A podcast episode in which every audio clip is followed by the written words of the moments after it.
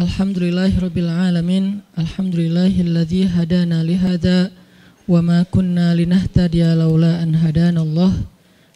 an la ilaha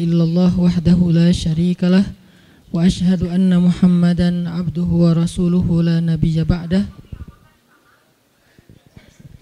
Allahumma salli wa sallim wa barik ala sayyidina wa habibina wa azimina Muhammad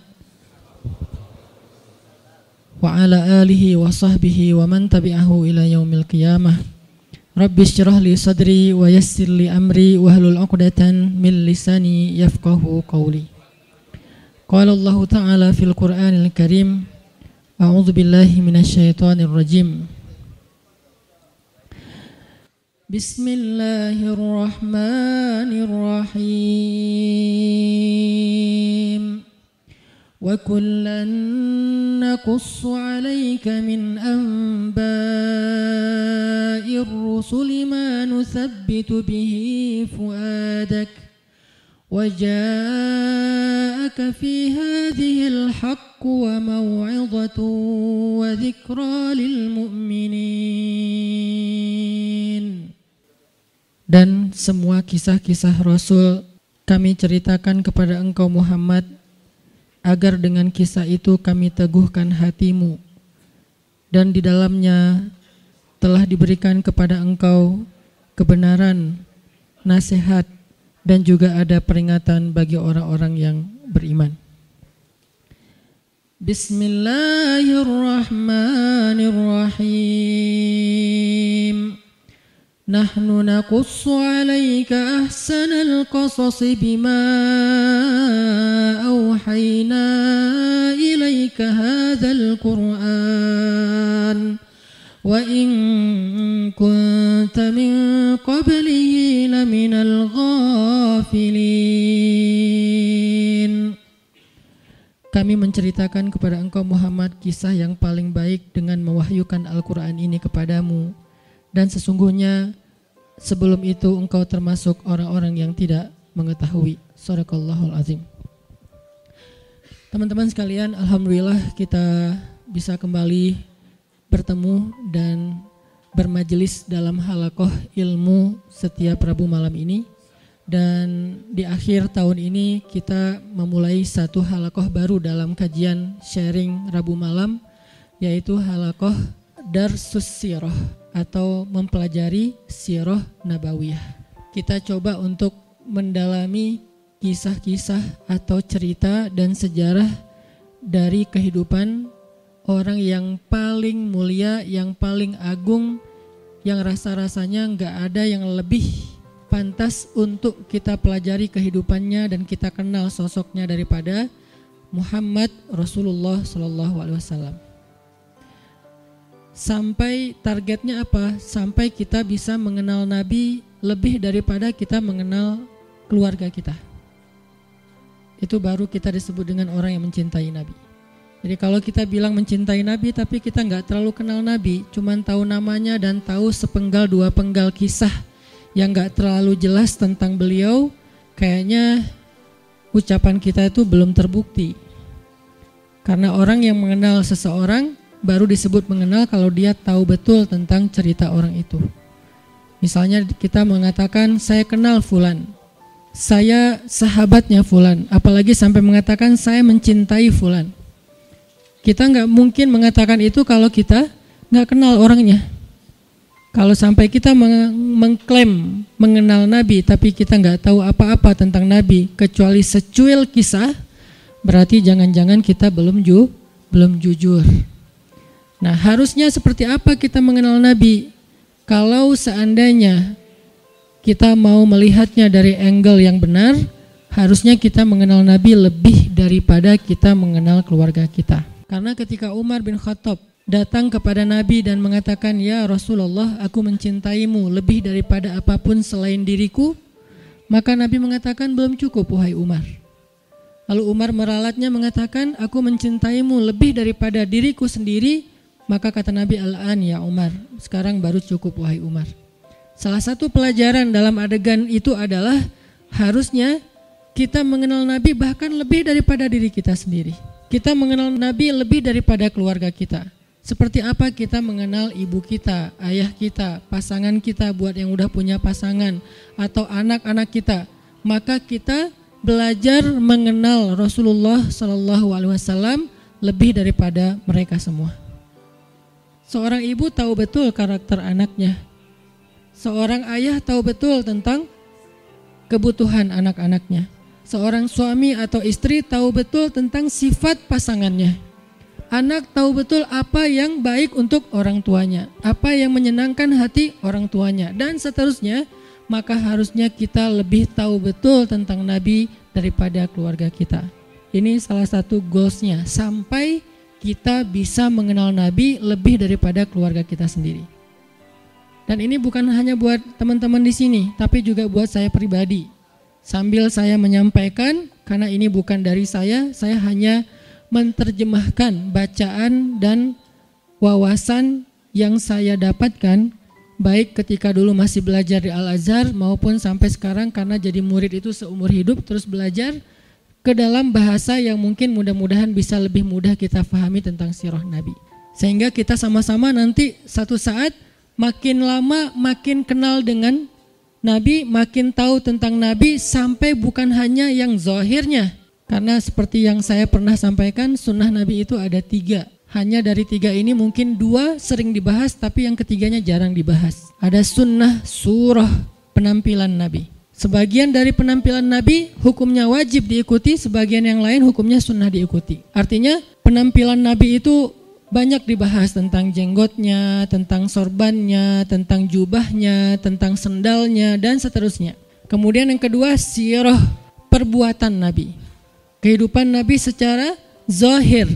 Cara tidur Nabi, cara berdiri Nabi, cara jalan Nabi, sikap Nabi, marah Nabi dan seterusnya. Sirah aktivitas Nabi, termasuk jihadnya Nabi, dakwahnya Nabi, kehidupan pribadi beliau, kehidupan keluarganya, kehidupan masjidnya, kehidupan tetangganya, kehidupan masyarakatnya dan seterusnya.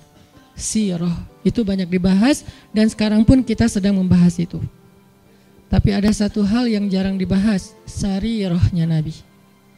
Jadi ada surah, ada sirah, ada sarirah, perasaan Nabi.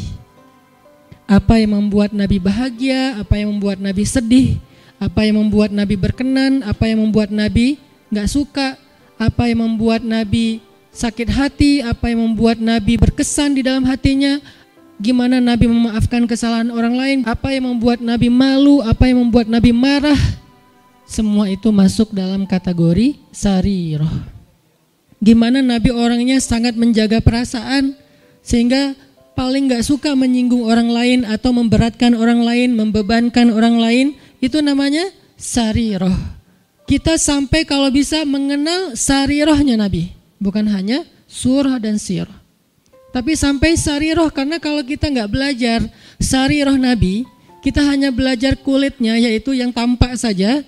Jangan-jangan semakin kita mengetahui sunnah Nabi, semakin kita jadi bikin orang nggak nyaman. Semakin galak, semakin eksklusif, bahkan jangan-jangan nggak sengaja kita semakin merasa paling benar. Padahal Nabi SAW sendiri dengan sariroh beliau adalah orang yang paling menyenangkan. Gimana Nabi jadi orang yang paling menyenangkan? Itu sariroh, bukan siroh, bukan surah. Nabi menyenangkan bukan hanya karena beliau ganteng, itu udah pastilah. Tapi banyak orang ganteng tapi nyebelin ya. Ada orang, ya hanya kencang di belakang. Ada cewek makin cantik, makin bikin kita kayak nggak nyaman gitu. Kenapa nggak nyaman? Karena mungkin kecantikan dia itu jadi fitnah, kecantikan itu bikin dia jadi jutek atau apa. Ada orang secara fisiknya hampir bisa dibilang sempurna, dia fisiknya keren, tapi karena sarirohnya, mentalnya, perasaannya itu enggak enggak humble sama orang lain, akhirnya kita juga enggak nyaman bareng dia. Makanya ada orang memilih pasangan walaupun yang tampak duluan itu fisik, tetapi kadang-kadang ada orang yang kayaknya pasangannya biasa banget, tapi dia happy banget sama orang itu. Kenapa? Karena cocok secara karakter. Nah artinya mungkin kita wawasan tentang Nabi itu bagus, surahnya kita mencontohkan Nabi itu hampir sempurna karena nggak ada yang sempurna Nabi pastinya. Cuman kok nggak bisa bikin orang nyaman? Jangan-jangan kita tahu banget surah, belajar banyak sirah tapi hampir kurang aware tentang sarirohnya Nabi, perasaan Nabi. Ada hadis ketika Nabi menyampaikan hadis itu nyaman didengar. Ketika kita yang ngomongin hadis yang sama kok jadi bikin orang nggak suka. Jadi bikin orang sedih gitu. Jangan-jangan bukan teks hadisnya. Hadisnya sahih, bahkan mutawatir, Bukhari Muslim. Tapi hadis yang sahih itu ketika Nabi yang menyampaikan orang nyaman. Ketika kita yang menyampaikan, orang malah sedih. Berarti ada sariroh yang kelewat, yang miss, yang kita nggak mempackaging, membungkus teks tadi ketika kita menyampaikan kepada orang lain. Nah kita pengen belajar kehidupan Nabi itu bukan hanya yang tampak, tetapi kita pengen mendalami dari sisi-sisi sarirohnya. Nanti yang akan teman-teman dengarkan dari kajian siroh ini, mungkin hal-hal yang teman-teman udah pernah dengar dari yang lain. Karena kajian sirah itu banyak ustadz-ustadz yang menyampaikan. Apalagi kalau teman-teman ngerti bahasa Arab, buka di YouTube pakai apa dicarinya pakai bahasa Arab itu akan lebih dahsyat lagi. Cuman kenapa kok tetap perlu mendengar? Mungkin kalau pelajarannya sama, refresh, recharging iman. Kalau enggak, maka pasti ada angle yang berbeda. Objeknya sama, kejadiannya sama, peristiwanya sama, tapi ibrohnya berbeda. Kenapa ibrohnya berbeda? Karena interpretasi dan sudut pandang berbeda. Kok bisa kayak gitu? Karena semua tentang Nabi itu adalah mutiara. Dilihat dari mana aja bercahaya, bercahaya. Ada yang cahayanya dari sebelah sini. Wah, saya lihat dari sini ada ibroh, pelajaran penting, petunjuk hidup. Kata yang lain, dari sebelah sini juga ada petunjuk, banyak. Jadi nggak bisa kita hanya menyimpulkan kehidupan Nabi dari satu sudut pandang, saking sempurnanya kehidupan beliau nggak ada syubhatnya. Kalau ada yang nggak kita ngerti, bukan syubhat. Syubhat itu apa? Hal-hal yang meragukan, yang nggak penting, yang sia-sia itu nggak ada dalam kehidupan beliau. Dari sejak beliau dalam kandungan, bukan hanya dari sejak dapat wahyu, dari sejak dalam kandungan itu udah jadi ibroh pelajaran yang luar biasa tentang sosok beliau. Makanya saya pikir udah waktunya kita untuk uh, nambah uh, menu dalam kajian Rabu malam kita yang udah berjalan lebih dari lima tahun. Sebetulnya kajian Rabu malam ini udah berjalan lebih dari 10 tahun teman-teman. Karena sebelum ada pemuda hijrah, Rabu malam udah ada kajian saya di Masjid Al-Latif. Cuman dulu kajiannya yang hadir paling 15 orang, 20 orang. Kalau Persib lagi main libur ya. Alhamdulillah kemudian dengan adanya pemuda hijrah kita kerja dakwah bareng-bareng jadi rame, kemudian jadi berkembang. Artinya dulu tuh kajian kita tuh udah sempat masuk ke level apa, kemudian kita coba lightkan lagi supaya semua orang bisa nyaman dengan bahasa-bahasa taklim. Dulu udah agak bold tuh, makanya saya bilang dulu kajian kita tuh membahas tentang rijal, para tokoh-tokoh kesatria Islam. Saya pernah bahas Ikrimah anaknya Abu Jahal, seberapa kerennya Ikrimah. Saya bahas juga tentang uh, kisahnya Imam Hasan Al Basri, Ibnul Musayyib, uh, Umar bin Abdul Aziz sampai yang terakhir sebelum datangnya pemuda hijrah kita membahas Nuruddin Zinki. Dulu tuh udah sampai ke pembahasan rijal, tokoh-tokoh Islam. Tapi karena kebutuhan dakwah dengan segmen yang lebih luas, kita pakai menu yang lebih light lagi. Sekarang cengeknya dikurangin, ya. Jadi light, jadi semua orang bisa makan, anak kecil juga bisa makan nasi gorengnya. Tapi itu udah berjalan lima tahun. Sekarang saatnya pakai tambahan cengek, lebih lada dikit. Supaya apa? Supaya lebih nikmat supaya lebih kerasa. Nah ini kita tambahin dengan siro. Saya pikir semua teman-teman yang hadir di sini adalah orang-orang yang udah lama ngaji, udah rajin ngaji, udah ngejar taklim. Yuk belajar siro sama-sama sampai kita mengenal sosok Nabi seperti kita mengenal keluarga kita.